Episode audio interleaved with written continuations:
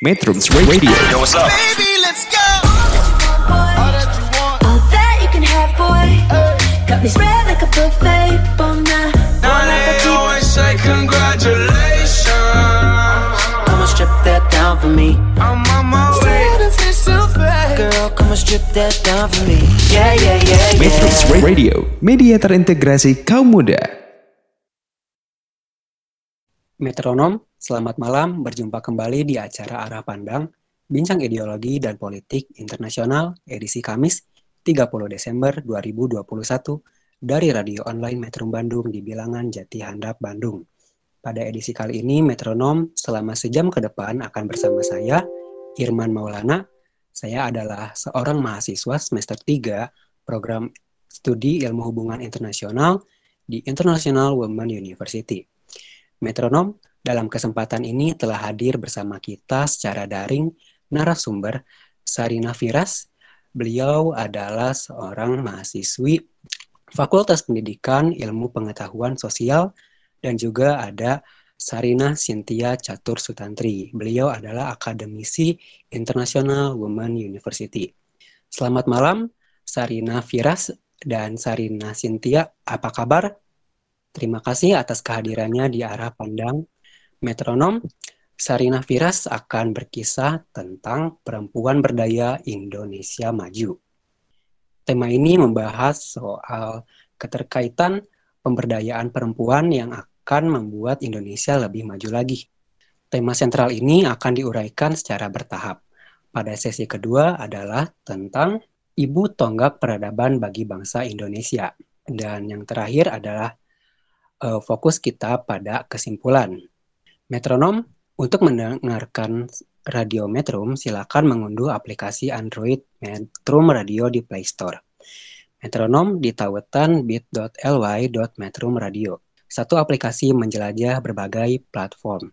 Bagi pengguna perangkat Apple, Metronom dapat menyimak program arah pandang melalui Apple Store Online Radio Box, Radionet, atau Radio.net atau metronom bisa juga menyimak talk show ideologi dan politik internasional ini melalui tautan bit.ly garis miring web metrum di laman situs www.metrum.co.id atau melalui Radio Garden melalui tautan bit.ly garis miring Radio Garden Metrum atau melalui aplikasi radio lainnya.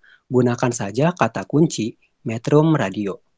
Bagi yang tidak dapat mendengarkan pada Kamis petang ini, Metronom masih dapat mendengarkan ulang rekaman talk show berupa podcast di beberapa aplikasi podcast bagi pengguna perangkat Android maupun Apple.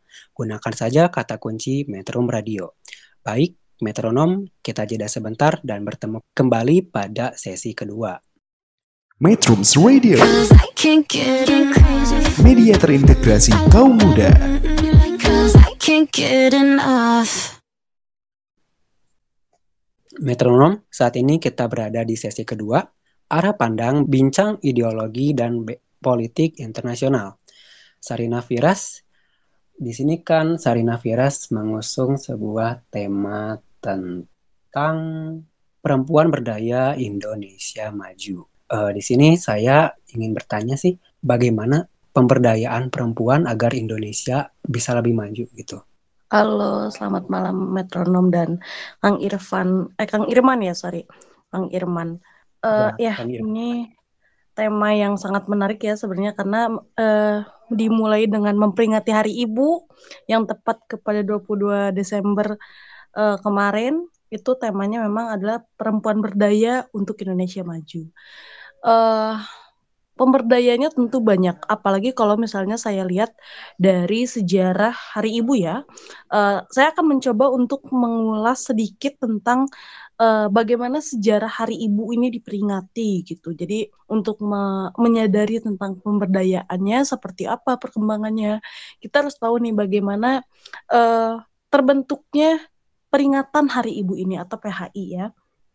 Jadi kalau misalnya kita lihat sejarahnya memang dimulai pada eh, Kongres Perempuan Indonesia 1 yang diselenggarakan pada tanggal 22 hingga 25 Desember di Yogyakarta. kongres ini menjadi sebuah pertemuan yang sangat penting karena diinisiasinya oleh organisasi-organisasi perempuan pada saat itu gitu ya di seluruh Indonesia. Namun uh, pada tanggal 22 Desember ini merupakan titik di mana Indonesia mulai masuk ke ranah perjuangan politik praktis. Jadi ini kan kita tahu ya bahwa kolon pada zaman kolonial Belanda itu perempuan ini tidak memiliki kedudukan dan tidak memiliki ruang politik gitu ya untuk menyuarakan menyuarakan pendapatnya, memberikan uh, pandangannya. Nah, tepat pada tanggal 22 Desember ini menjadi momentum yang paling penting karena sebuah gerakan terjadi yang mana perempuan bisa menggerakkan secara aktif demi hak-haknya gitu. Nah, Kongres Perempuan pada saat itu juga menuntut pengubahan kedudukan kaum perempuan dalam budaya patriarki. Nah, di mana perempuan ini masih menjadi pihak yang ditindas dan dikekang oleh berbagai struktur sosial pada masa itu khususnya. Kemudian uh, perjuangan ini kan menjadi uh, suatu hal yang pada akhirnya menjadi kesadaran, oh iya ternyata perempuan memiliki tempat yang sama dengan laki-laki baik dalam uh, pendidikan, kesehatan, bahkan hingga politik gitu. Nah, pada Kongres Perempuan satu ini juga e, banyak dibahasnya yaitu tentang pendidikan perempuan, nasib anak yatim dan anak yatim piatu dan janda, perkawinan anak dan perkawinan paksa yang tentu kepada perempuan saat itu sangat marak sekali ya. Kemudian juga uh, sampai akhirnya pada Kongres Perempuan ketiga ini kan uh, Kongres Perempuan tuh dija dijalankan secara rutin. Kemudian pada kongres uh, yang ketiga, maka menetapkanlah bahwa uh, 22 Desember menjadi peringatan Hari Ibu gitu. Jadi Hari Ibu ini dimaknai pada saat itu diharapkan dengan adanya perjuangan perjuangan perempuan gitu. Jadi bukan tidak hanya sekedar memberikan terima kasih selamat Hari Ibu, tidak hanya sekedar itu, tapi bagaimana pentingnya makna perjuangan seorang perempuan untuk mendapatkan hak-haknya, terutama dalam kondisi uh, politik praktis dan uh, berkembangnya budaya patriarki pada saat itu. Nah ini kemudian dikembangkan dan kemudian diperkuat oleh uh, dekret Presiden Soekarno nomor 316 pada tahun 1959. Ini menjadi penguat bahwa ternyata Kongres Perempuan satu dan tiga satu hingga tiga gitu ya memberikan dampak yang sangat uh, luar biasa gitu ya. Karena pada akhirnya sampai saat ini ternyata perempuan diberdayakan. Walaupun mungkin memang sampai saat ini belum uh, maksimal masih terjadi. Ya kita tahu ya beberapa akhir tahun 2021 kita banyak menemukan kasus-kasus yang merugikan perempuan uh, ya kalau bisa kita sebutkan banyak sekali gitu ya Kang Irman uh, dan metronom nah ini menjadi uh, harusnya kita menyadari bahwa ternyata perjuangan perempuan ini pada saat itu itu sangat berat sekali gitu. Jadi penting nih bagi generasi kita, generasi milenial yang memperingati Hari Ibu adalah memaknainya sebagai jalan perjalanan untuk uh, memperjuangkan hak-hak perempuan gitu. Nah, nanti tentang uh, mengenai perempuan berdaya. Jadi sesuai dengan yang saya sampaikan tadi disinggung bahwa memaknai Hari Ibu ini menjadi penting karena uh, bukan hanya sekedar terima kasih terus juga memberikan bunga terus memposting di sosial media ya. Tidak hanya sekedar itu gitu bahwa uh, momentum untuk memperingati Hari Ibu bertujuan untuk meningkatkan kualitas hidup dalam pemenuhan hak perempuan dan anak serta memajukan perempuan Indonesia terlebih pada masa pandemi COVID-19 ini. Di mana di mana banyak sekali perempuan terpuruk yang menjadi korban kekerasan. Terus uh, sempat kemarin kita bahas tentang peran ganda yang diakibatkan oleh pandemi COVID-19. Kemudian uh, bagaimana upaya nyata untuk meluruskan kebenaran tentang makna Hari Ibu dan memanfaatkannya secara sinergis. Nah, sebagai generasi milenial yang penuh dengan harapan dan cita-cita menjadi bangsa yang besar, tentu bagi perempuan khususnya gitu ya, kita harus menjaga serta memperjuangkan hak-hak perempuan dalam membangun dan membangkitkan bangsa Indonesia bahwa perempuan ini memiliki peran, hak, dan kewajiban yang sama, baik dalam bidang pendidikan, kesehatan, bahkan hingga tingkat pendapat pada kursi politik. Jadi jangan, jangan cuma sekedar oh ya perempuan ada tapi kita dianggap sebelah sebelah mata nih dalam memutuskan suatu keputusan yang sifatnya kebangsaan gitu. Bahkan kita tahu sekarang banyak menteri kayak uh, Menteri Retno juga memberikan dampak-dampak yang sangat positif gitu ya untuk bangsa Indonesia. Nah, jadi ini perlu jadi perhatian gitu ya khususnya saya kepada generasi milenial karena saya juga merupakan mahasiswa dan generasi milenial ayo mari kita bersama-sama untuk memanfaatkan literasi digital dan fasilitas media sosial untuk mengungkapkan hal-hal positif menggunakan media sosial dengan bijak bahwa kita harus sampaikan perempuan hebat di Indonesia ini perlu memperjuangkan dan menghadirkan ruang fasilitas bagi perempuan khususnya dalam wirausaha, terus kemudian juga pelestarian budaya, perlindungan terhadap perempuan. Kita kalau misalnya kita flashback tentang bagaimana peran perempuan untuk uh, memajukan bangsa Indonesia pada saat pandemi COVID-19, ini pernah saya singgung pada episode sebelumnya tentang bagaimana perempuan uh, yang ada di kota Cimahi pada saat itu untuk memajukan uh, bang uh, masyarakatnya gitu. Kita support. Yang pertama awal-awal pandemi banget itu. Di mana kalau ada yang kena uh, covid langsung jadi dihindari langsung jadi uh, perhatian bahwa aduh harus hati-hati dijauhi nah di sini peran perempuan yang memiliki sifat kelembutan dan solidaritas mereka bersatu gitu untuk memberikan support, bergantian memberikan makanan, perhatian dalam segi kesehatan. Nah, ini menjadi inspirator banget nih uh, bahwa kita harus melanjutkan perjuangan-perjuangan seperti itu. Itu pernah dilakukan pada masa uh, penjajahan terlebih dahulu. Dan sekarang harus kita te uh, teruskan gitu. Apanya yang kita teruskan? Nilai-nilainya, nilai persatuannya, nilai kesatuan, nilai solidaritas, toleransi. Itu harus kita pertahankan gitu. Jadi uh, beberapa pihak ini harus dalam menghargai dan memaknai Hari Ibu, memberikan penghargaan terbaik bagi ibunya itu perlu. Seperti memberikan terima kasih itu perlu, tapi jangan lupa bahwa kita masih punya tanggung jawab yang besar untuk uh, meneruskan perjuangan-perjuangan yang sampai adanya peringatan Hari Ibu ini. Jadi bukan cuma sekedar dimaknai uh, oh ya, Hari Ibu, perjuangan ibu panjang. Memang sangat betul kita kemarin membahas bagaimana peran ibu ini sangat-sangat-sangat sulit. Gak bisa kita menyamakan bagaimana pengorbanan ibu dan pengorbanan ayah gitu. Gak ada karena sama-sama sama-sama susah mengurus rumah tangga itu walaupun uh, tidak hanya tidak kerja gitu ya, tapi mengurus rumah tangga itu sangat sulit karena butuh profesional juga.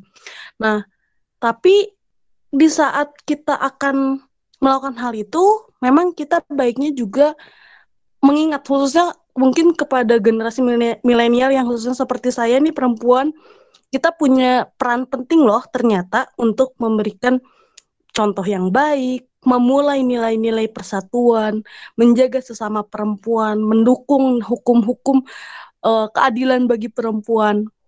Nah itu menjadi uh, kalau kalau misalnya saya sarankan memang sangat penting bagaimana peran perempuan ini. Kalau saya tuh selalu beranggapan bahwa untuk memajukan dan memberdayakan Indonesia ternyata perlu dua kaki, yaitu laki-laki dan perempuan. Kayak gitu, uh, Irman mungkin kalau misalnya tentang pemberdayaan perempuan gitu ya, pemberdayaan Indonesia dengan perempuan itu kita lihat dari sejarah Hari Ibu dan bagaimana kita memaknainya. Begitu Irman. Oke, terima kasih dari Sarina Firas ya atas penjelasannya tentang pemberdayaan gitu kan. Bagaimana sih pemberdayaan perempuan terhadap Indonesia gitu kan, majunya Indonesia. Nah, di sini kita ambil uh, beberapa garis besar yaitu tak lepasnya pemberdayaan perempuan itu dari sejarah Hari Ibu, betul ya? Jadi sejarah Hari Ibu merupakan uh, satu fokus utama juga mengapa bisa berdaya gitu kan. Pemberdayaan perempuan itu seperti apa. Lalu ada juga perjuangan perempuan seperti apa gitu kan. Ada pemaknaannya juga kan. Pemaknaan perempuan, pemaknaan ibu, dan juga peranan perempuan. Nah, peranan-peranan tersebut akan menumbuhkannya eh, nilai-nilai ya, Kak Firas ya, Rina Firas. Iya, betul. Nilai-nilainya itu loh yang di yang sini saya juga tuh.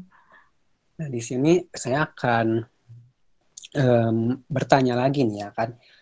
Eh, menurut Sarina Firas nih, bagaimana sih pemberdayaan perempuan di Indonesia sejauh ini gitu kan? Atas yang tadi Sarina Firas sampaikan gitu, menurut Sarina Firas bagaimana pemberdayaan yang terjadi di Indonesia sejauh ini? Ya, eh, kalau misalnya ditanya sudah sejauh mana, tentu mm, kalau dikatakan maksimal belum mungkin ya, Kang Irman, karena ya memang kita ada kemajuan eh, dari kita bisa lihat dari duduk eh, kursi politik aja di pemerintahan khususnya gitu ya.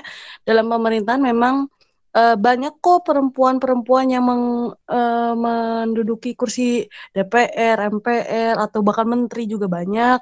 Kemudian juga eh, seperti yang pernah dibahas juga bahwa ternyata peningkatan UMKM cukup meningkat karena adanya peran perempuan yang akhirnya dikeluarkan saat pandemi COVID-19, kemudian ada online shop, ada sosial media dengan platform-platform yang eh, mendukung gitu ya. Sebenarnya juga sudah ada peningkatan, tapi memang kalau saya ngelihat bagaimana kasus-kasus akhir tahun ini, wah ternyata pemberdayaan perempuan itu tidak hanya sekedar dalam segi pekerjaan ya, tidak hanya sekedar sektor ekonomi, tapi ternyata dalam eh, perlindungan hak-hak bagi perempuan, saya rasa eh, masih perlu ditingkatkan. Juga kesadaran bagaimana masyarakat tentang pentingnya menjaga perempuan gitu, karena eh ini cukup lucu sih kasus-kasus akhir ini tuh eh, gimana ya cukup kaget gitu kejadian-kejadiannya di tempat-tempat yang kadang kita nggak eh, berekspektasi akan terjadi gitu. Nah artinya selain pemberdayaan secara ya diberdayakan nih eh, anak perempuannya untuk bisa mendapatkan pekerjaan, tapi juga menghargai perempuannya itu. Jadi bagaimana diberdayakan tapi juga bisa dilindungi hak dan eh ya hak dan kewajibannya gitu perlu kita teh jangan cuman sekedar ayo bekerja bekerja bekerja tapi ketika mendapatkan masalah ketika mendapatkan hukuman jangan sampai eh, lalai gitu ya nah ini juga kalau misalnya kita lihat tentang peringatan Hari Ibu tahun 2021 ini yang kemarin itu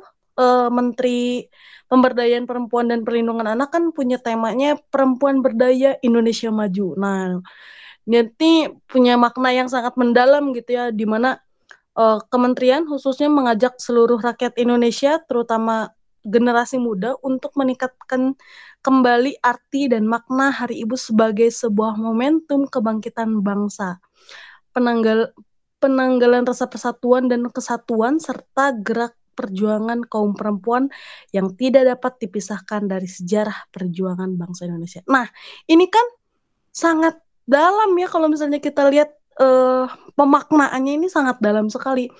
Bahwa di saat pandemi COVID-19 ini yang mengakibatkan perempuan menjadi eh, kelompok yang rentan mengalami kesulitan-kesulitan bahkan ada diskriminasi menjadi perhatian bahwa perempuan Indonesia ini pernah loh mengambil peran penting dan pernah menjadi garda terdepan dalam uh, pandemi COVID-19 ini tentu di berbagai daerah Indonesia.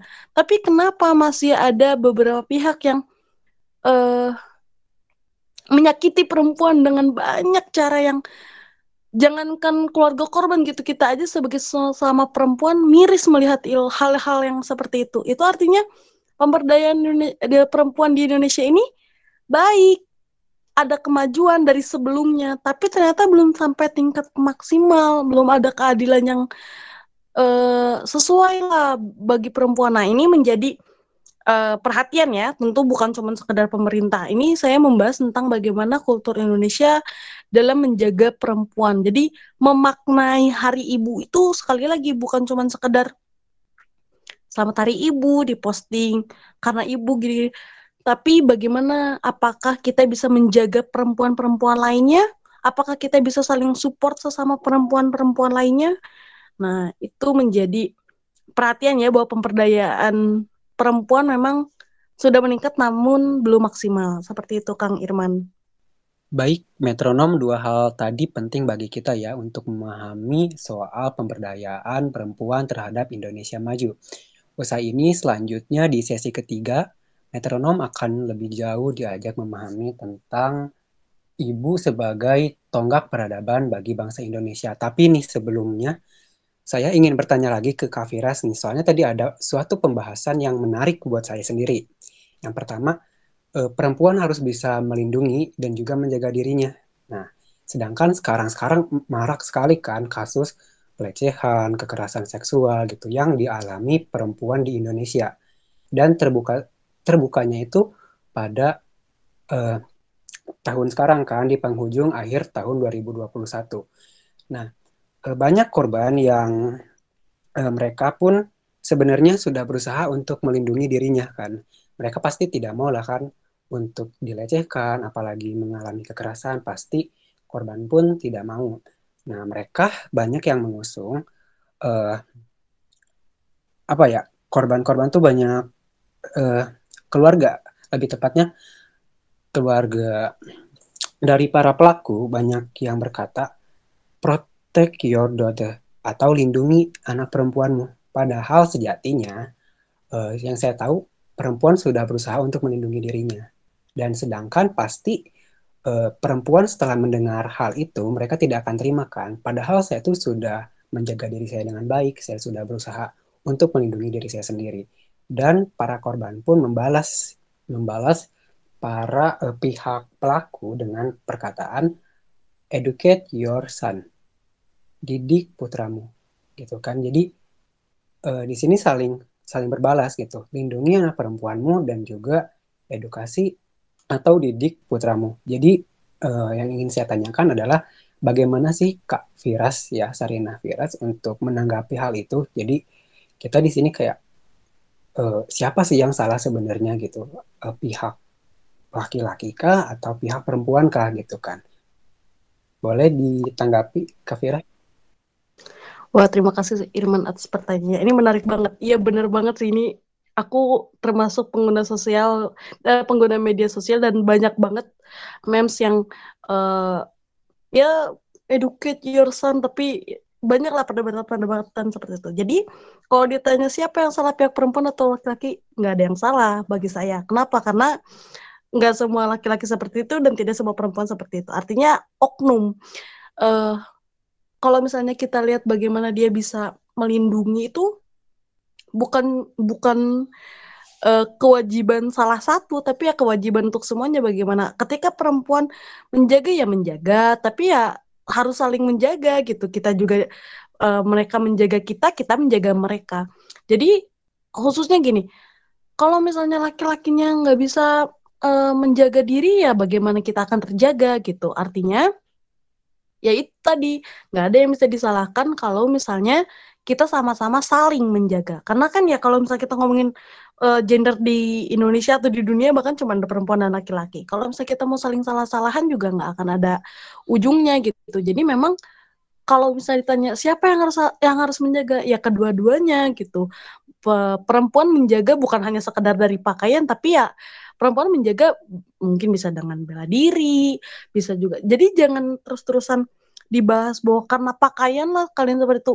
Toh sekarang ada buktinya bahwa kejadian seperti seksual harassment nggak terjadi karena baju doang kan? Ada kita menemukan tempat-tempat yang ternyata uh, tidak diharapkan adanya kejadian seperti itu dan itu bukan karena sesuatu yang ia pakai, bukan sesuatu yang karena perempuan pakai, tapi bagaimana manusia bisa menganggap adanya harga diri dari tiap tiap-tiap manusia.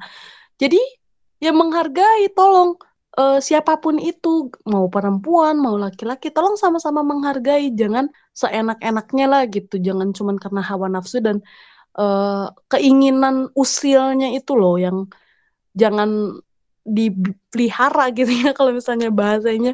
Kalau saya agak eh, kasarnya mungkin di- jangan sampai dipelihara gitu hal-hal seperti itu tuh. Karena eh ketika kita di jalan kita harus saling menjaga. Baik perempuan dengan perempuan pun harus saling menjaga. Kalau misalnya saya bertemu dengan eh, melihat depan kepala mata nih ada yang eh, menjadi korban seksual harassment, kita harus saling melindungi. Perempuan melindungi perempuan gitu loh. Jadi harus ada kerjasama dan yaitu tadi nilai kesatuan dan persatuan sesama perempuan itu kuat loh sebenarnya. Kalau misalnya pada zaman dulu bisa saling satu untuk melaksanakan kongres perempuan, maka sekarang kita juga bisa kok bersatu untuk melawan orang-orang yang seperti itu karena eh aku melihat adanya sebuah ketimpangan sosialnya seperti ini. Kita kadang tidak semua eh orang yang mengetahui mau melakukan, orang yang tahu belum tentu sadar.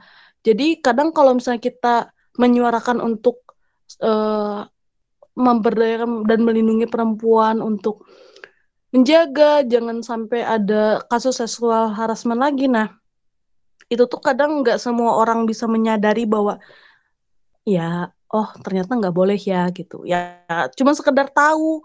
Bahkan mungkin eh, beberapa orang yang mendengar pun oh ya udah didengerin aja gitu. Belum tentu dia menyadari. Jadi harus ada kesadaran penuh nih tentang bagaimana menjaga sesama perempuan. Jangan sampai saling eh, salah-salahan. Karena nggak semua orang seperti itu juga. Kan ada kok orang-orang yang aku melihat ada beberapa laki-laki yang dia cukup gue nggak boleh perempuan gini. Banyak kok laki-laki yang dia sadar secara sadar bahwa ternyata perempuan ini harusnya kita jaga gitu. Banyak laki-laki yang punya berpikiran seperti itu. Artinya ini oknum yang harus kita terus edukasi harus kita terus perhatikan kita juga terus mengawal terkait tentang hukuman-hukuman yang diterima oleh para oknum. Seperti itu Irman kalau pandangan aku pribadi Oke, terima kasih atas penjelasannya kembali. Baik, metronom, demikian sesi kedua berlalu. Jangan ke mana-mana dulu, sampai jumpa di sesi ketiga.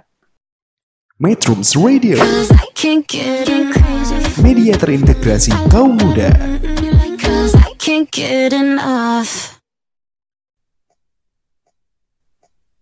Metronom, saat ini kita berada di sesi ketiga, arah pandang, bincang ideologi dan politik internasional. Sarina Sintia Catur Sutantri akan mengusung tema yaitu Ibu Tonggak Peradaban bagi Bangsa Indonesia. Nah, di sini saya ingin bertanya nih, Sarina Sintia, terkait kenapa sih harus ibu yang menjadi tonggak peradaban bagi bangsa Indonesia? Padahal kan sejatinya perjuangan peradaban itu bukan hanya eh, perempuan saja kan, apalagi kita tak yang ketahui sejarah mengatakan eh, perjuangan Presiden Soekarno gitu kan, yang di mana beliau adalah seorang laki-laki yang mampu memajukan peradaban di Indonesia. Baik, terima kasih. Selamat malam, eh, Kang Irman ya, dan selamat malam eh, sahabat metronom. Oke, Ibu, tadi ya malam. pertanyaan yang mengenai tonggak peradaban ya bagi bangsa Indonesia. Mungkin kita juga tahu ada beberapa istilah lah. Dikatakan bahwa perempuan itu adalah arsitek peradaban bangsa. Ada yang bilang begitu ya, arsitek peradaban bangsa ataupun sebagai tonggak peradaban bangsa. Nah, apa sih maksudnya? Kalau kita sebut juga kita bilang arsitek, tentu di sana perempuan dibutuhkan untuk mengonsep, merancang dan merencanakan dengan baik sebuah bangunan. Bangunan apa? Dalam hal ini bangunan sebuah keluarga. Nah, di sini jika keluarganya baik, nanti kan akan muncul juga kualitas-kualitas yang baik, terutama anak-anaknya. Selain itu juga eh, perempuan sebagai ibu bangsa itu memiliki tugas dalam mempersiapkan generasi-generasi bangsa yang berkualitas. Nah, nantinya kan akan membawa bangsa ini menjadi bangsa yang berperadaban, bangsa yang maju, bangsa yang sukses gitu. Nah, oleh karena itu perempuan itu perlu memiliki pengetahuan dan pendidikan yang tinggi agar dapat mewujudkan cita-cita luhur dalam mewujudkan bangsa yang berperadaban tadi. Maka dari itu dikatakan bahwa perempuan itu adalah sebagai tonggak peradaban karena kita juga sering dengar bahwa perempuan adalah madrasah pertama bagi anak-anaknya. Itu mungkin ya, salah satunya. Lalu juga kita bicara mengenai pusat dari kehidupan sebuah keluarga. Perempuan sebagai sosok yang mengandung, melahirkan, menyusui, merawat, itu bisa dikatakan sebagai pusat dari kehidupan sebuah keluarga. Nah, jadi uh, kalau kita bicara kodrat juga ya, semua perempuan memiliki kodrat yang sama untuk uh, melahirkan, gitu ya, seperti itu. Nah, sehingga menjadi pondasi berdirinya sebuah keluarga jika nanti menghasilkan uh, masyarakat atau manusia-manusia yang unggul, maka secara uh, tidak langsung juga akan menghasilkan negara yang unggul juga seperti itu. Lalu kita juga uh, tahu bahwa pendidikan dasar bagi manusia itu kan juga ditemukan di rumah ya. Dan di rumah dan itu juga ibu menjadi perannya itu sangat besar dan punya tanggung jawab yang besar dalam menentukan keberhasilan pendidikan dasar dari anak-anaknya tersebut. Nah, maka dari itu juga dikatakan bahwa perempuan merupakan tonggak penentu berdirinya sebuah negara, tonggak yang menentukan kokoh atau tidaknya sebuah negara. Itu yang penting kalau saya uh, bahas mengenai tonggak peradaban. Lalu uh, kadang ada pertanyaan juga kan, apa sih sebetulnya perempuan yang seperti apa sih yang dibutuhkan agar negara itu tetap kokoh gitu. Nah, kalau saya lihat dari uh, beberapa literatur gitu ya, sebetulnya yang dibutuhkan itu adalah perempuan yang cerdas, yang berpendidikan dan berakhlak mulia ya hanya berpendidikan saja tidak cukup kalau dia tidak berakhlak. Ada istilah kan uh, adab sebelum ilmu seperti itu ya. Nah, dari sini maka dari itu uh, dulu mungkin kita sering mendengarkan istilah bahwa perempuan itu nggak perlu deh pendidikan tinggi-tinggi karena akhirnya berakhir di dapur misalkan. Nah ini mungkin ada ada pernyataan yang kurang tepat karena kan sejatinya sekarang justru perempuan juga dibutuhkan dalam dunia publik yang lebih luas gitu kita juga kalau melihat ada uh, hadis yang menyebutkan bahwa uh, mencari ilmu itu adalah wajib hukumnya bagi uh, setiap muslimin maupun ya muslimin maupun muslim muslimat baik laki-laki maupun bagi perempuan gitu. Itu dari hadis riwayatnya Ibnu Abdul Bar ya. Ini saya rasa jadi berlaku bahwa tadi ya pendidikan ini menjadi salah satu tonggak untuk membangun sebuah peradaban gitu loh. Jadi nggak bisa juga kita melarang atau me menutup ya pergerakan kaum perempuan ya untuk mendapatkan pendidikan yang layak untuk eh, tadi ya mungkin mencegah terjadinya kekerasan terhadap dirinya untuk menyuarakan hak-hak perempuan dalam masyarakat itu mungkin kita tidak boleh melarang itu karena kalau bicara hak asasi manusia ya perempuan punya hak untuk hal tersebut. Lalu juga kita juga kalau bicara mengenai pergerakan perempuan di Indonesia sampai tahap sekarang nih. Itu juga ya kalau kita bicara sejarah yang masa lalu, ya berterima kasihlah kepada RA Kartini gitu ya. Karena kan berkatnya juga masyarakat Indonesia akhirnya sadar bahwa perempuan juga layak loh untuk mendapatkan pendidikan selayaknya kaum laki-laki gitu kan. E, ditambah lagi ya ada istilah juga perempuan dengan pendidikan tinggi akan menghasilkan anak-anak yang lebih cerdas karena kan pasti ada pola-pola pendidikan yang berbeda gitu daripada perempuan yang berpendidikan rendah. E, lalu saya tambahkan juga di sini ada sih e, beberapa variabel ya yang menyebabkan perempuan itu tidak mau melanjutkan pendidikan. Ya karena kan tadi ya e, walaupun dikatakan bahwa tonggak peradaban itu salah satunya adalah dari bidang pendidikan karena untuk melihat ekonomi, penghasilan ternyata dilihat dari pendidikannya dulu. Tapi kan masih banyak juga ya masyarakat yang me mengatakan bahwa ya nggak perlu sih perempuan sekolah tinggi-tinggi. Nah mungkin saya membaca beberapa literatur mengenai variabel yang menyebabkan perempuan tidak melanjutkan pendidikan ke jenjang yang lebih tinggi. Yang pertama itu ada pandangan teologis bahwa perempuan adalah bagian dari laki-laki. Kan kita sering dengar juga ya istilahnya e, perempuan adalah tulang rusuk laki. Jadi relasinya ini lebih kepada uh, relasi yang tidak seimbang antara perempuan dan laki-laki. Uh, laki-laki dikatakan lebih superior, sedangkan perempuan lebih inferior. Nah, pada akhirnya juga pandangan tersebut secara agama ada juga yang menyatakan bahwa oh perempuan itu tidak layak jadi pemimpin misalkan. Yang layak adalah laki-laki. Mungkin ini salah satu uh, variabel yang menyebutkan atau menyebabkan perempuan tidak melanjutkan pendidikan ke yang lebih tinggi. Lalu yang kedua ada pandangan sosiologis. Nah, mungkin kita juga tahu bahwa dalam beberapa hal gitu ya, perempuan itu lebih diposisikan pada ranah domestik dibandingkan ranah publik. Nah, secara sosiologis kan makanya ya buat apa kalau dia di dalam rumah ngapain bersekolah tinggi-tinggi gitu. Karena kan pada akhirnya dia harus ngurus rumah tangga doang gitu, sedangkan di ranah publik kan sudah ada laki-laki. Mungkin itu salah satunya juga yang menjadi penghalang gitu ya. Lalu yang ketiga ada pandangan psikologis. Nah, karena mungkin posisinya lebih banyak sebagai istri, maka perempuan dianggap tidak penting untuk pendidikan. Mungkin dalam tradisi kita juga e, masih kita sering dengar ya bahwa perempuan itu harus cepat dinikahkan gitu loh. Jadi mendingan kawin muda daripada nanti jadi perawan tua. Mungkin tadi istilah-istilah seperti itu masih muncul ya. E, sehingga mungkin ada ketakutan dari para orang tua mengenai wah jodoh anaknya jangan-jangan jauh nih gitu. Itu kan secara psikologis. Jadi daripada dia kuliah atau melanjutkan pendidikan yang lebih tinggi, mendingan menikah dulu gitu kan nanti ada yang menanggung pada akhirnya. Nah, lalu yang keempat ada juga pandangan budaya yang menyebutkan bahwa perempuan merupakan sosok manusia yang secara budaya itu memang tidak memerlukan pendidikan tinggi. Ya, jadi dikatakan juga mungkin sebagai pelengkap saja gitu loh. Kalau kita ada apa ya ungkapan dari istilah-istilah Jawa gitu ya, disebutkan bahwa eh, suwargo nunut neroko konco winking gitu ya, atau artinya itu kawan di belakang atau di dalam rumah istilah seperti itu. Lalu yang kelima yang terakhir ada pandangan ekonomi. Dikatakan bahwa banyak perempuan yang tidak melanjutkan pendidikan itu karena ketidakmampuan ekonomi orang tuanya. Mungkin kalau misalkan orang tuanya keterbatas ekonominya, lalu dalam keluarganya ada laki-laki dan perempuan, anaknya biasanya tuh anak laki-laki tuh yang didahulukan untuk sekolah gitu daripada anak perempuan.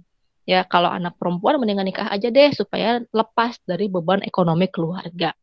Mungkin itu sih Kang Irman untuk uh, alasan kenapa ibu atau perempuan itu menjadi tonggak peradaban karena tadi ya sebagai madrasah bagi anak-anaknya yang otomatis dia harus berpendidikan tinggi atau berpendidikan yang memadai seperti itu. Baik, penjelasan dari Sarina Sintia tadi menyadarkan saya soal memang ya perempuan itu mampu untuk mengonsepkan tadi kata Sarina Sintia eh, perempuan dikatakan sebagai tonggak peradaban atau arsitek. Karena memang perempuan itu mampu mengonsep beda dengan laki-laki dengan pemikiran perempuan yang lebih kompleks dengan pemikiran perempuan yang lebih hati-hati itu akan membuat uh, suatu bangunan yang dibuat perempuan atau uh, suatu bangunan yang ya bisa dibilang perempuan yang membangunnya, perempuan yang mengonsepnya itu lebih bisa kokoh gitu kan. Oke, okay. uh, eh, di sini saya akan bertanya lagi ya kepada Sarina Cynthia Catur. Adakah indikator yang menunjukkan kemajuan perempuan Indonesia? Oke, uh, baik terima kasih atas pertanyaannya. Oke, kalau kita bicara kemajuan perempuan Indonesia sudah sejauh mana sih gitu ya? Karena kan tadi dikatakan bahwa peran perempuan itu kan sangat strategis dalam keluarga, yakni sebagai pendidik pertama bagi anak-anaknya, eh, sehingga menuntut adanya pendidikan yang memadai. Lalu juga untuk meningkatkan hal tersebut tentu saja harus ada peningkatan kualitas perempuan baik itu kualitas intelektual, keterampilan, kepribadian, dan juga beberapa kompetensi lain yang uh, menjadi bekal para perempuan untuk menjalani kehidupan yang lebih baik dalam masyarakat secara umum gitu. Bahkan nanti dia bisa merancang peradaban bangsa uh, melalui generasi-generasi emas yang dia hasilkan gitu.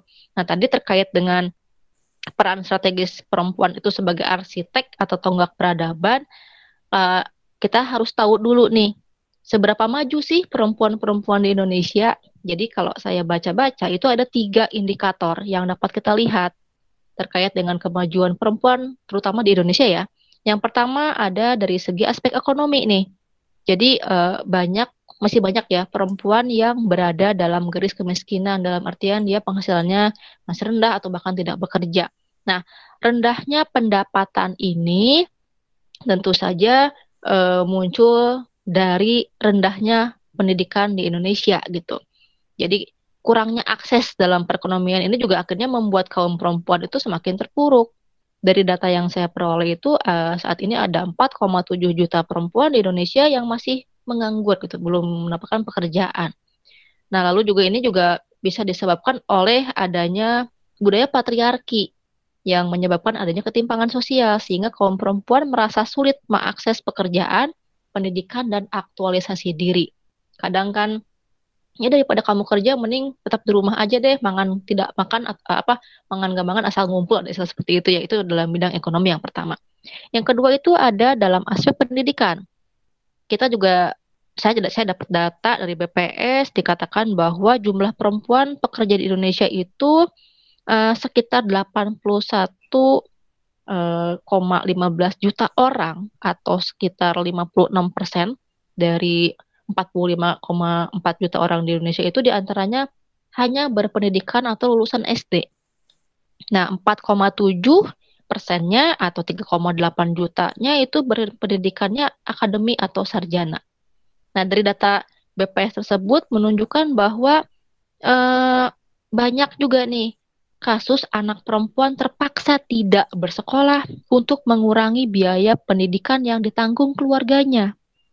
Nah, akhirnya apa? Ya mereka masuk ke dalam angkatan mencari nafkah bagi keluarganya. Jadi uh, lebih banyak juga ya anak perempuan usia sekolah yang bekerja dibandingkan anak laki-laki. Nah ini dari aspek pendidikan mungkin kalau kita lihat kategorinya berarti masih belum cukup baik di Indonesia. Tapi sekarang sudah mulai perlahan ada peningkatan ya walaupun ya masih uh, tahapnya belum terlalu signifikan gitu. Uh, lalu juga yang ketiga itu ada aspek kesehatan. Nah kalau kita lihat mungkin dulu ya angka kematian ibu di Indonesia itu cukup memprihatinkan. Tapi di masa sekarang ini kalau kita lihat bahwa angka kematian ibu itu di Indonesia sudah menurun. Tapi ternyata itu di negara-negara ASEAN itu tingkat kematian apa namanya atau ibu yang melahirkan ini masih tinggi. Indonesia itu terakhir ada di angka 228 orang per 100 ribu orang. Ya, itu kelahiran hidup setelah sebelumnya itu sebesar 307 per 100 ribu orang kelahiran hidup. Jadi memang sudah ada penurunan, namun masih belum begitu signifikan. Nah, jadi dari tiga indikator di atas, yaitu tadi dalam bidang ekonomi, pendidikan, dan juga kesehatan, eh, perempuan dikatakan maju jika ketiga indikator indikator tadi itu dapat terpenuhi dengan baik. Kalau tadi dari data-data yang sudah ada itu ternyata belum terpenuhi dengan baik sehingga harus terus ditingkatkan oleh uh, segala macam pihak ya, tidak hanya perempuan saja gitu.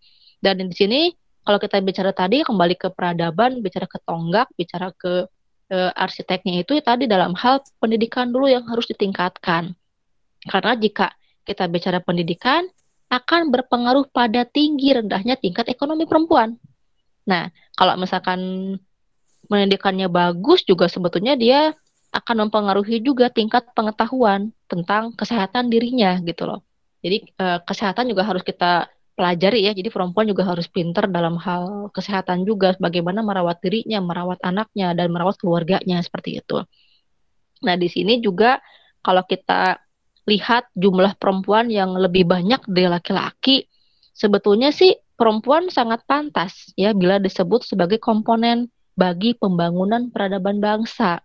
Nah kan jumlah yang banyak ini juga jika diberikan pendidikan yang layak, diberikan hak yang setara dengan laki-laki dalam ruang publik juga pada akhirnya dapat berpotensi memajukan bangsa, terutama di sini bangsa Indonesia gitu. E, mungkin terakhir sih ya dari saya untuk e, penjelasan mengenai perempuan sebagai e, peradaban atau bang, e, tonggak peradaban Indonesia itu e, perempuan itu harus cerdas tapi juga memiliki kepedulian yang tinggi bagi sekitarnya jadi ada rasa sensitif lah ya terhadap berbagai macam problematika di sekitarnya. Ya contoh sekarang ya kasus COVID-nya masih belum selesai, pelecehan seksual malah jadi muncul setelah satu informasi muncul tiba-tiba keluar, yang lain. Jadi tadi mungkin dikatakan oleh Sarina Firas betul juga sih kita kadang tercengang sekarang gitu loh. Wah sejauh inikah eh, buruknya perlakuan terhadap perempuan di Indonesia? Bahkan kan kemarin kita baru ada hari anti kekerasan perempuan gitu ya dan juga uh, bahkan saya baru kemarin tuh baca di IG itu atau lihat di IG itu ada kasus baru pelecehan terhadap anak usia SMP, kelas 1 SMP diperjualbelikan dan lain sebagainya. Ini sungguh miris gitu ya, apalagi saya sebagai ibu merasakan wah ini menyeramkan sekali gitu. Jadi kita sebagai perempuan harus sensitif terhadap hal-hal seperti itu dan bagaimana sih kita memberikan gagasan, memberikan ide-ide baru yang kreatif, yang inovatif bagi upaya memecahkan setiap permasalahan dalam masyarakat. Dan tentu saja kan hal tersebut juga harus kita dapatkan dari ilmu ya. Kita harus me memiliki ilmu yang mumpuni. Misal kalau mungkin kita sebagai akademisi ya, uh, saya Nafira sebagai mahasiswa, Kang Irman juga sebagai mahasiswa kan bisa dengan penelitian, riset gitu-gitu ya, itu kan juga bisa me meningkatkan atau menambah ide-ide bagi masyarakat untuk mengatasi segala macam permasalahannya gitu. Nah, uh, kembali ke yang tadi, maka dari itu kembali juga ke dalam akhlak. Jadi kalau kita sudah bisa punya ilmunya, kita sudah punya adabnya, kita sudah punya eh, sifat yang sensitif. Nah, di sini harus dilengkapi juga dengan yang namanya akhlak. Begitu sih tambahan dari saya. Terima kasih Kang Irman. Baik, metronom sebagai rujukan dua hal tadi tidak dipungkiri bermanfaat bagi metronom untuk memahami soal ibu tonggak peradaban bagi bangsa Indonesia. Sebentar lagi di sesi keempat, narasumber Sarina Firas dan juga Sarina Cynthia akan mengajak metronom untuk memahami puncak tentang memaknai dan juga memperingati Hari Ibu. Metronom, demikian sesi ketiga berlalu. Sampai jumpa di sesi keempat. Metrums Radio Media terintegrasi kaum muda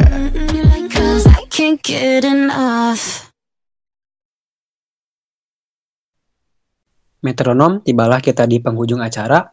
Ini merupakan sesi keempat arah pandang bincang ideologi, ideologi dan politik internasional. Sarina Firas dan juga Sarina Cynthia akan menjelaskan tentang memaknai dan memperingati Hari Ibu. Nah, di sini saya ingin bertanyakan tadi atas pemaparan yang telah disampaikan dari Sarina Firas dan juga Sarina Cynthia eh, terkait sejarah, terus terkait tentang pemberdayaan perempuan.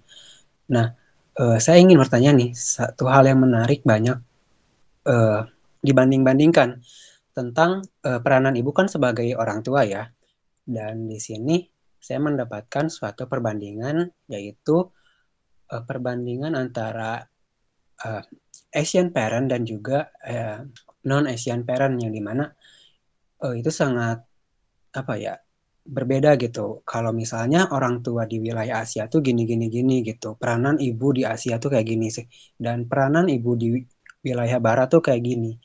Nah, eh, saya pengen tahu lagi gitu atas pemaparan yang tadi dijelaskan eh, di sesi ini seperti apa.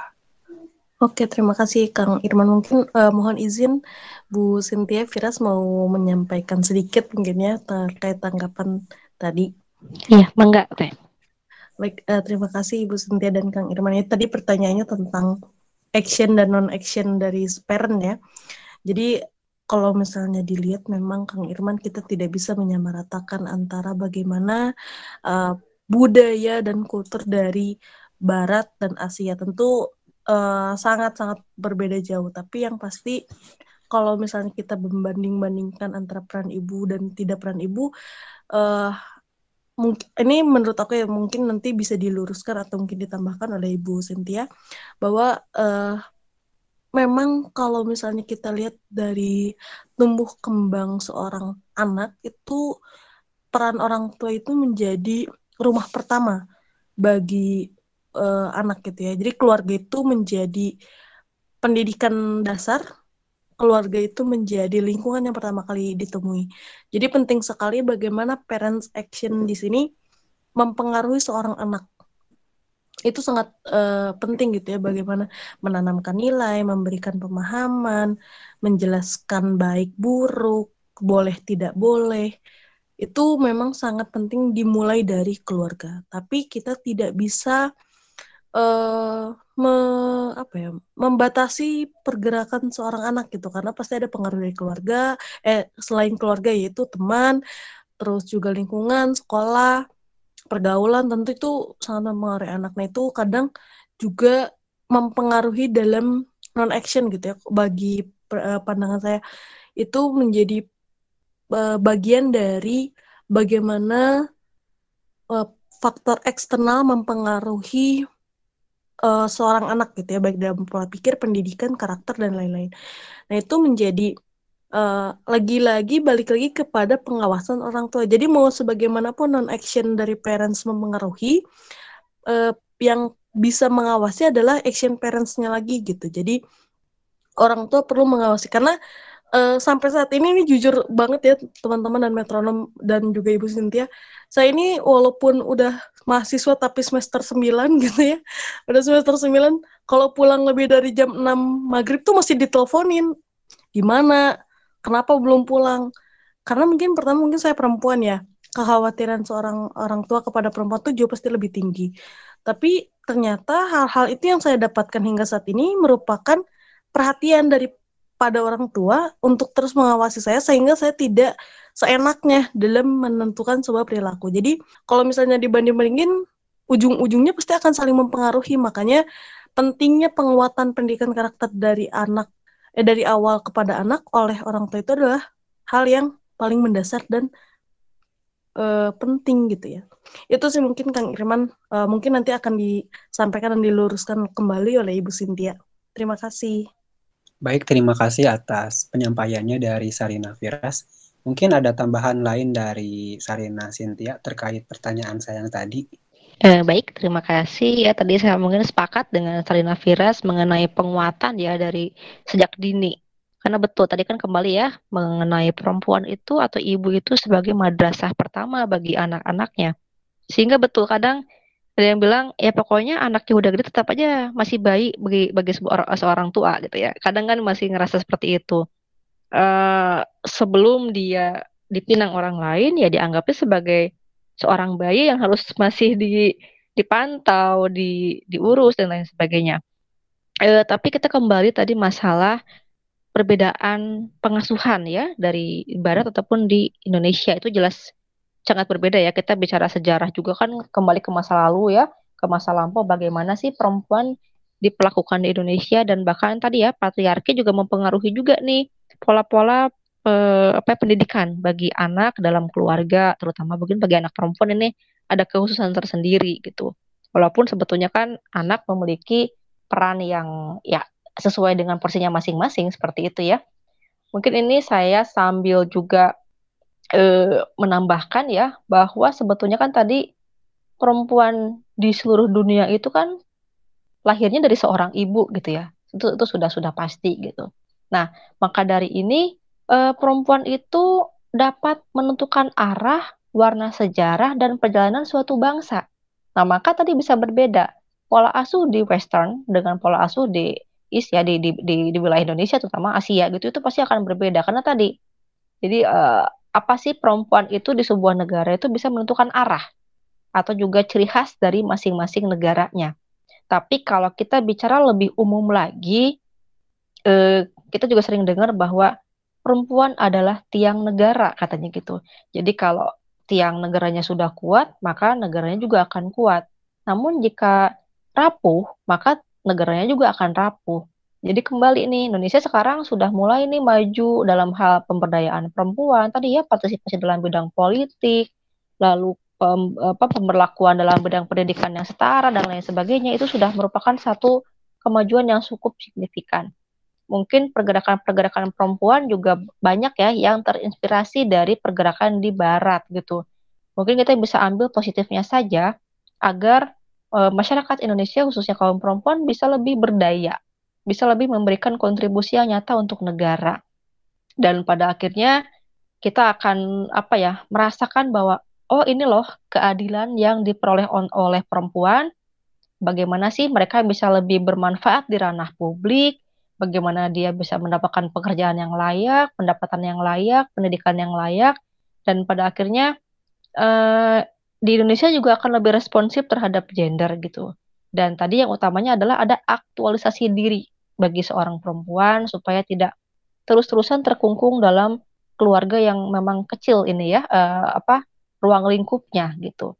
Jadi mungkin tadi saya sepakat dengan uh, Salina Firas mengenai konsep penguatan dasar atau mungkin lebih kepada menjaga perempuan tuh harus seperti apa atau semua anak tuh harus seperti apa itu harus dijelaskan sejak awal. Mungkin itu sih menurut saya tambahannya. Eh, baik, terima kasih kepada Sarina Cynthia atas tambahannya. Dan satu lagi nih yang ingin saya pertanyakan, bagaimana jika kan tadi eh, dari Sarina Cynthia telah menjelaskan bahwa ibu adalah pendidikan bagi anaknya, ibu adalah madrasah juga. Nah, eh, bagaimana anak yang di saat sejak dini dia mendapatkan perlakuan tidak baik oleh kedua orang tuanya, baik itu ibu ataupun bapaknya.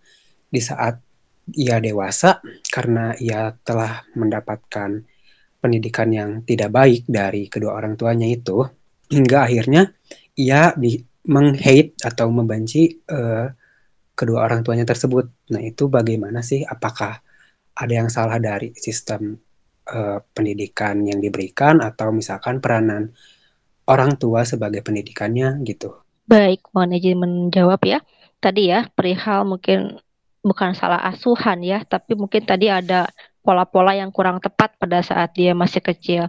Mungkin jika diketahui dalam waktu yang memang masih dini, itu saya rasa masih bisa dibenahi dengan pendampingan dari pihak-pihak lain yang memang lebih support terhadap anak, lalu juga dari sisi pendidikan yang layak. Itu kadang kalau tempat pendidikannya layak dan dia bisa menambahkan tadi ya kayak kaidah-kaidah e, akidahnya, lalu juga bagaimana sih menghormati orang tua, bagaimana sih memperlakukan orang tua dengan baik, Eh, karena kadang tadi mungkin ada trauma ya.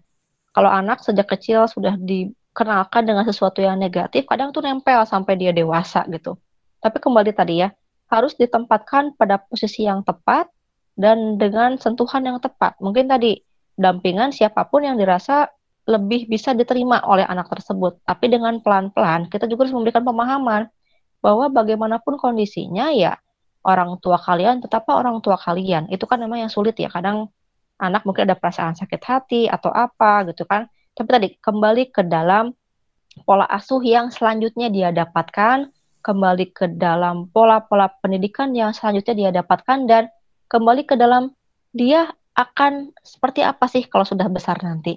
Kalau sudah terarah, sudah tersusun tadi ya arsiteknya mau seperti apa orang seorang anak ini, insya Allah anak tersebut akan kembali ke dalam jalurnya yang benar. Di uh, kembali ke tracknya gitu loh. Terus tambahan saya seperti itu. Baik, terima kasih kepada Sarina Cynthia atas jawabannya. Metronom demikian sesi keempat telah berlalu, artinya perjumpaan kita harus diakhiri di sini. Semoga perbincangan tadi tentang Hari Ibu bermanfaat bagi metronom sekalian, terutama dalam menambah wawasan dan menentukan arah pandang. Kami mengucapkan terima kasih atas kebersamaan metronom selama sejam berlalu. Semoga sehat selalu. Sampai jumpa kembali Kamis pekan depan dengan topik-topik yang lebih menarik. Tetap stay di Metro Radio, media terinter terintegrasi kaum muda dalam jelajah komunitas. Selamat malam. Metro Radio. Yo, what's up? Baby, let's go. All that you can have, boy. Got me spread like a buffet, bon night. Say congratulations. Come and strip that down for me. I'm on my way. Girl, come and strip that down for me. Yeah, yeah, yeah, yeah. Radio, media terintegrasi kaum muda.